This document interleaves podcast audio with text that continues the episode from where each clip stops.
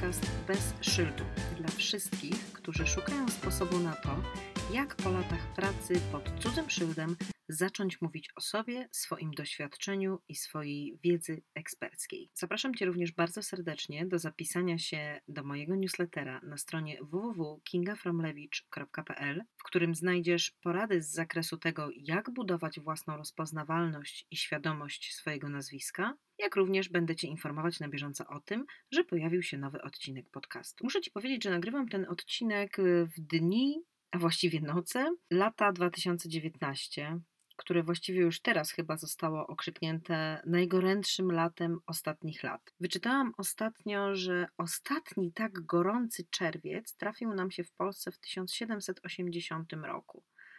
Wow, naprawdę mamy prawo być zmęczeni upałami, słuchaj grubo ponad 30 stopni w cieniu naprawdę nie sprzyja ani za bardzo twórczej pracy, ani myśleniu o jakichś strategicznych decyzjach. Możesz sobie pomyśleć, przychodzi jakaś Fromlewicz i wymyśla coś i gada, i tutaj przekonuje, że powinieneś, że może warto pomyśleć, że zacząć, że za chwilę wrzesień, że wakacje to dobry czas, żeby przemyśleć swoją strategię na budowanie swojej rozpoznawalności, na wyjście spod szyldu właśnie po to, żeby od września zabrać się już za działanie, już nie tracić czasu na myślenie, na kolejne rozkminianie, co tak, co nie, a może inaczej, a może takim kanałem, a z takimi narzędziami.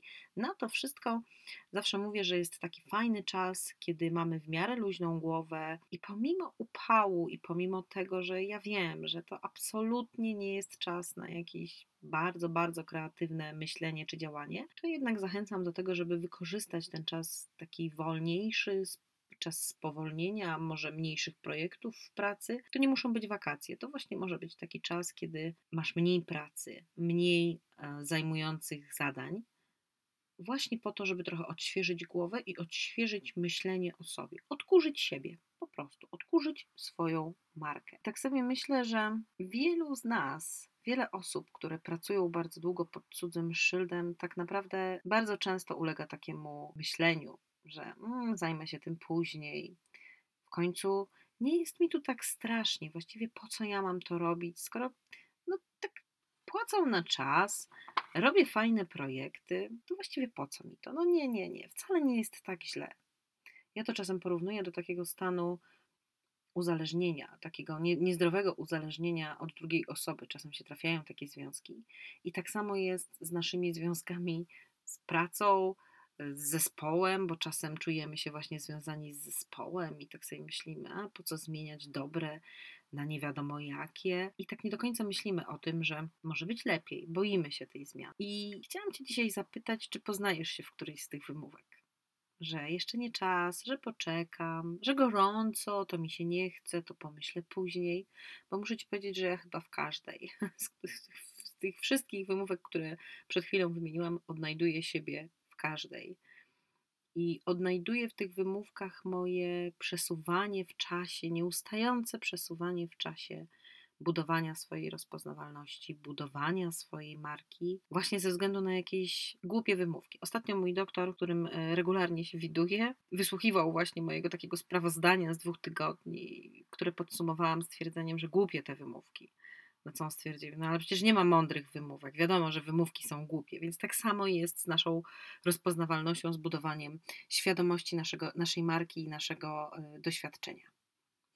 Trochę przydługi dzisiaj mi się wstęp zrobił, ale chciałam Ci pokazać, że wszyscy ulegamy, ok, może nie wszyscy, bo to zbyt duże generalizowanie, ale większość z nas jednak ulega takiemu myśleniu, które w naszym przekonaniu gwarantuje nam albo daje nam czasem złudne, ale daje nam poczucie bezpieczeństwa, takiego zakotwiczenia, że w jakiejś rzeczywistości jesteśmy całkiem poukładani i sobie świetnie radzimy, albo wystarczająco dobrze sobie radzimy. I właśnie o tym chciałabym z Tobą y, dzisiaj porozmawiać.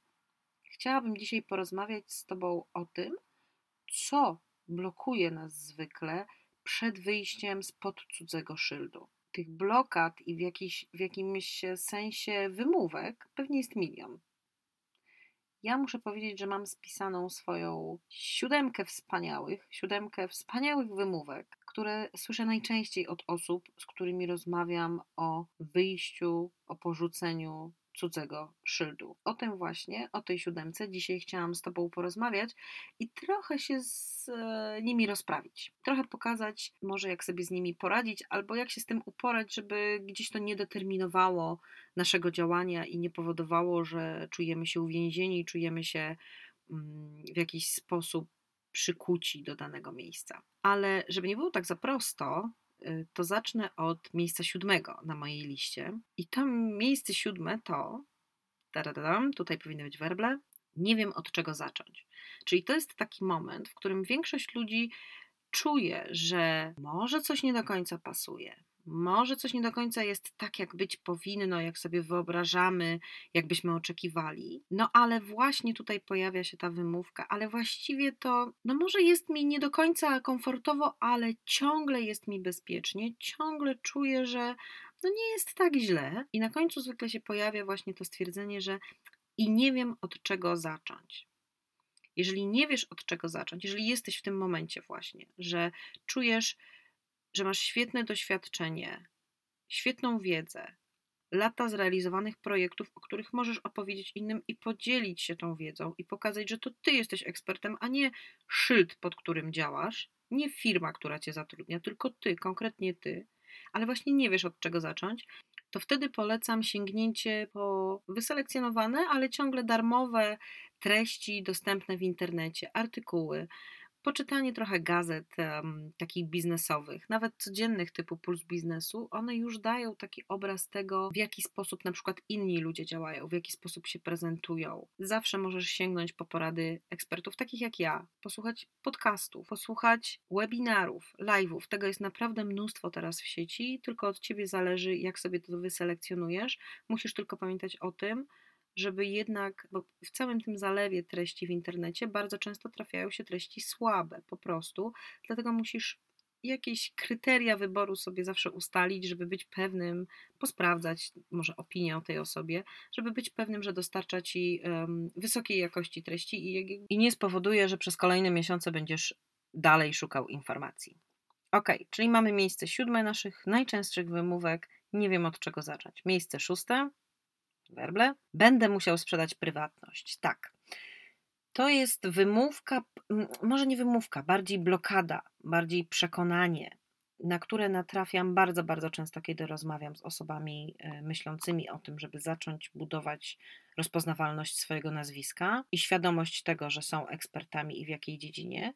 I zawsze wtedy pojawia się takie stwierdzenie: No, ale będę musiał świecić gębą, mówiąc brzydko będę musiał pokazywać, co jem na śniadanie, obiad i kolację, i jeszcze jak spędzam weekend, i jak się pocę na siłowni.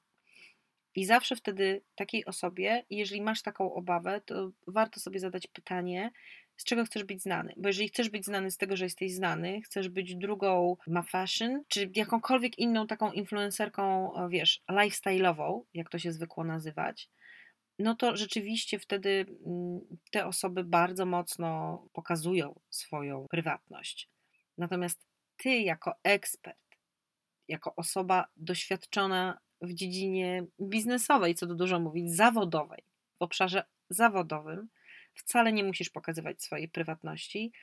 To, co jest ważne, przed przystąpieniem, o czym ja cały czas mówię od pierwszego odcinka mojego podcastu i w każdej rozmowie na ten temat, bardzo mocno to podkreślam, że po prostu potrzebna jest strategia działania. I wtedy na pewno nie pogubisz się w, w, takim pędzie za publikowaniem treści i wtedy zwykle ludzie wpadają na pomysł, ok, to ja pokażę, co dzisiaj jadłem na obiad. No tylko zwykle Twoich odbiorców to nie będzie interesować, więc to będzie takie zmarnowany czas i przestrzeń po to, żeby zamieścić coś, co nie jest w ogóle interesujące, a przede wszystkim nie buduje Twojego wizerunku w taki sposób, jak Ty byś chciał, jak Ty sobie wymarzyłeś i nie będziecie zbliżać do celu. Numer 5 na mojej liście najczęstszych obaw i blokad, jeżeli chodzi o budowanie rozpoznawalności, to nikogo to nie zainteresuje.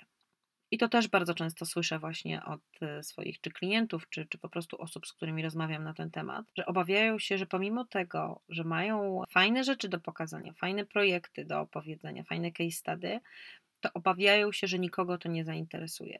I tutaj rozwiązaniem jest po prostu dobry research przed przystąpieniem do działań, czyli sprawdzenie, co z obszaru, w którym działasz, może zainteresować Twoich potencjalnych odbiorców. Jak to sprawdzić? Ano po prostu zobacz, o co ludzie pytają z tego obszaru, jakich informacji szukają. Może szukają takich specjalistów jak Ty, zadając konkretne pytanie. Najczęściej znajdziesz takie osoby, czy na LinkedInie, czy na Facebooku, w różnego rodzaju grupach tematycznych. Warto tam zaglądać właśnie po to, żeby sprawdzać taką. Ja się śmieję, że to są takie social media grupy fokusowe, bo nie trzeba już zbierać grupy, żeby zrobić badanie fokusowe i zadać konkretne pytanie. Wystarczy właśnie spróbować w takiej wyselekcjonowanej, tematycznej grupie sprawdzić, co ludzie myślą na temat obszaru, w którym się poruszasz, w którym działasz. Obawa numer cztery. Ona jest wysoko, bo ona jest bardzo silna i powoduje giga blokadę.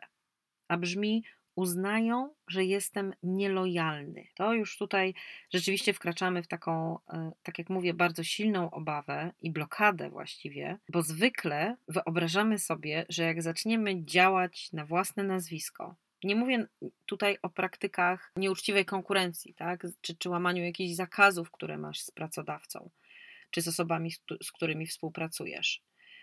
Ale nawet kiedy zaczynamy budować świadomość swojego nazwiska po wielu latach pracy dla, dla kogoś czy z kimś, to właśnie ta blokada jest bardzo silna. Że co oni powiedzą? Pomyślą, że jestem nielojalny, że będę podkradał klientów, a to zupełnie przecież nie o to chodzi.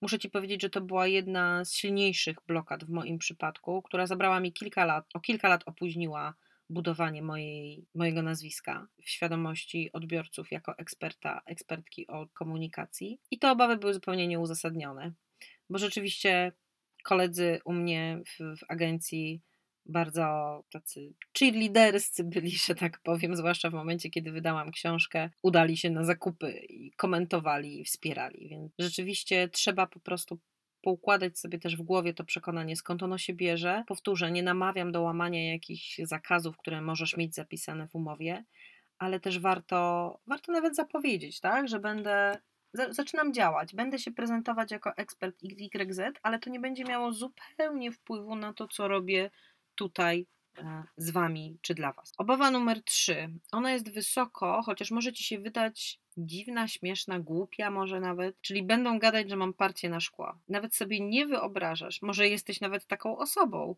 y, właśnie, która w ten sposób myśli o sobie i o swoich współpracownikach, czy nawet o rodzinie, bo z takim czymś też się spotkałam, że ktoś miał obawy przed rozpoczęciem promowania siebie jako eksperta, bo bał się, że zostanie wyśmiany za to właśnie, że jest jakimś karierowiczem, że właśnie ma parcie na szkło. I tutaj rada jest bardzo prosta, przynajmniej z mojej strony. Po prostu się nie przejmować. Bo nie robisz tego dla tych ludzi, którzy w ten, w ten sposób będą o tobie mówić, tylko robisz to dla siebie, i dla świata, który czeka na ten kawałek wiedzy, którym możesz się podzielić. Bo tak jak mówię od pierwszego odcinka tego podcastu, naprawdę każdy z nas działa w określonym obszarze i w określonej niszy, na którą jest zapotrzebowanie. I ludzie chcą się dowiadywać nowych rzeczy właśnie z tego obszaru. Tararam, werble, docieramy do miejsca drugiego. To jest tak totalna blokada, potrafi być tak totalna blokada. Znowu, to jest jedna z tych blokad, która zablokowała, jedna z tych blokad, która zablokowała, która tak zabrała mi kilka lat jeśli chodzi o budowanie mojej rozpoznawalności, bo to jest blokada związana z tym, z obawą przed porażką, że będą się ze mnie śmiać. Powiem Ci, że ja, jak zaczynałam pierwsze live'y, na przykład transmisje live, czy pierwsze webinary, miałam bardzo dużą obawę zwłaszcza teraz w czasie takiego wszechobecnego hejtu niemerytorycznego, że właśnie ludzie będą komentować, jak wyglądam, jak mówię. I to były to był taki stoper, tak bardzo mocny, że naprawdę pierwsze e, webinary to kończyłam, wiesz, spocona jak mysz z nerwów, po prostu ze stresu. To się nie wydarzyło, natomiast to mnie bardzo, bardzo blokowało. A blokowało mnie, jak tak sobie teraz myślę, z perspektywy czasu, głównie dlatego, że nie wiedziałam, jak jak na to zareaguję ja i jak sobie z tym poradzę. Czy będę w stanie sobie poradzić z tego typu komentarzami, bo o ile potrafię, umiem i lubię dyskutować merytorycznie, prowadzić spory na merytoryczne tematy, o tyle nie wiem, jak poradziłabym sobie w sytuacji, gdyby ktoś próbował uderzyć gdzieś we mnie personalnie. Nie wiem tego, bo tego nie doświadczyłam dzięki ci losie, ale to oczywiście jest realne zagrożenie też w dzisiejszym świecie. No i tutaj też rzeczywiście taka rada, no to po pierwsze spróbować przygotować się trochę chociaż mentalnie y, na to, że mogą takie sytuacje zaistnieć, a po drugie przygotować sobie plan reakcji na takie okazje. Ja to nazywam sytuacją trudną. W PR mówimy, że to są sytuacje kryzysowe często.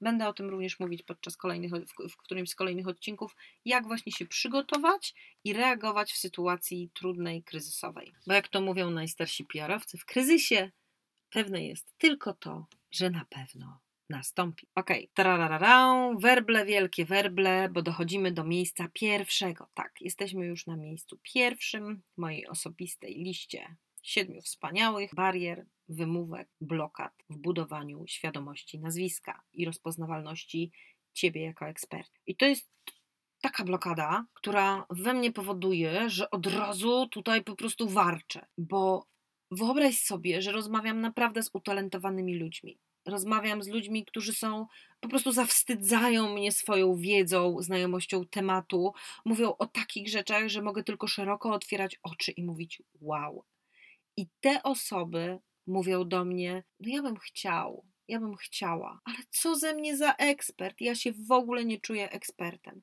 I ja sobie wtedy myślę: O cholera, to jest straszne. To jest, jakby nie chcę generalizować, ale z obserwacji i z rozmów, tak jak mówię, to jest naprawdę jakieś totalne obciążenie, które mamy my, osoby z pokolenia X, kiedy mówiono nam po pierwsze, że mamy stać w kącie i czekać, aż nas znajdą, po drugie, że dobra robota się sama obroni i nie należy o niej mówić, a po trzecie, to prawda, stój cichutko i, i, i tak jak mówię, znajdą cię, yy, a na pewno jeszcze na dodatek to jest ktoś mądrzejszy pięć razy od ciebie. No i co z tego, że jest ktoś mądrzejszy od ciebie? To nie ma żadnego, ale to żadnego znaczenia. Najważniejsze jest to, że ty jesteś ekspertem, że masz doświadczenie, masz świetne projekty na koncie, klienci cię cenią, twój pracodawca cię ceni. No i co? Masz siedzieć w kącie, aż ktoś się domyśli i przyjdzie i powie: Hej, Kinga, może nagrasz podcast o tym, jak budować rozpoznawalność nazwiska albo mm, jak budować dobrą komunikację w organizacji, bo tak słyszeliśmy, że chyba robisz dobrą robotę. Coś ci powiem, to się nigdy nie wydarzy. Przynajmniej mnie się nie przytrafiło. Dopóki sama nie zaczęłam o sobie mówić, że jestem ekspertką, oczywiście pokazując dowody na to, że tak jest i że wiem o czym mówię, to nikt nie wiedział, że istnieje. Taka jest smutna prawda, ale nie chcę, żeby była taka smutna refleksja na koniec, dlatego mam dla ciebie takie małe zadanie domowe, to już chyba będzie powoli tradycja tego podcastu. Tak sobie myślę, że będę Cię zostawiać z małym zadaniem domowym, takim do przemyślenia. Nie musisz nic pisać ani mi przysyłać, chociaż oczywiście, jeżeli chciałbyś się podzielić wynikami tego zadania domowego, to zapraszam kontakt małpa.kingafromlewicz.pl Aha, i pamiętaj też, żeby zapisać się na newsletter na www.kingafromlewicz.pl będę przesyłać informacje o nowych odcinkach podcastu i będą latały też nie za często, bo to nie będą cotygodniowe newslettery, ale będą latały do Ciebie również takie przydatne tipy, jak sobie radzić z budowaniem rozpoznawalności swojego nazwiska. A teraz czas na małe zadanie domowe. Chciałabym, żebyś zastanowił się tak na spokojnie, dlaczego jeszcze Ty nie wychodzisz spod szyldu? Czy rozpoznajesz siebie w, którymś w którejś z siedmiu blokad, które przed chwilą wymieniłam? Pamiętasz, co tam było? Miejsce siódme, nie wiem od czego zacząć. Miejsce szóste, będę musiał sprzedać prywatność. Miejsce piąte, nikogo to nie zainteresuje. Miejsce czwarte, uznają, że jestem nielojalny. Miejsce trzecie, będą gadać, że mam parcie na szkło. Miejsce drugie, będą się ze mnie śmiać. I miejsce pierwsze, no ale co ze mnie za ekspert? Zastanów się, która z tych blokad gdzieś tam pojawia ci się w głowie i powoduje, że siedzisz pod cudzym szyldem, a chciałbyś, żeby znali ciebie z imienia i nazwiska. Tak, do ciebie mówię. Chciałbyś? Mam nadzieję, że wrócisz na kolejny odcinek bez szyldu, jeżeli uznasz, że ten temat może się przydać komuś, kogo znasz.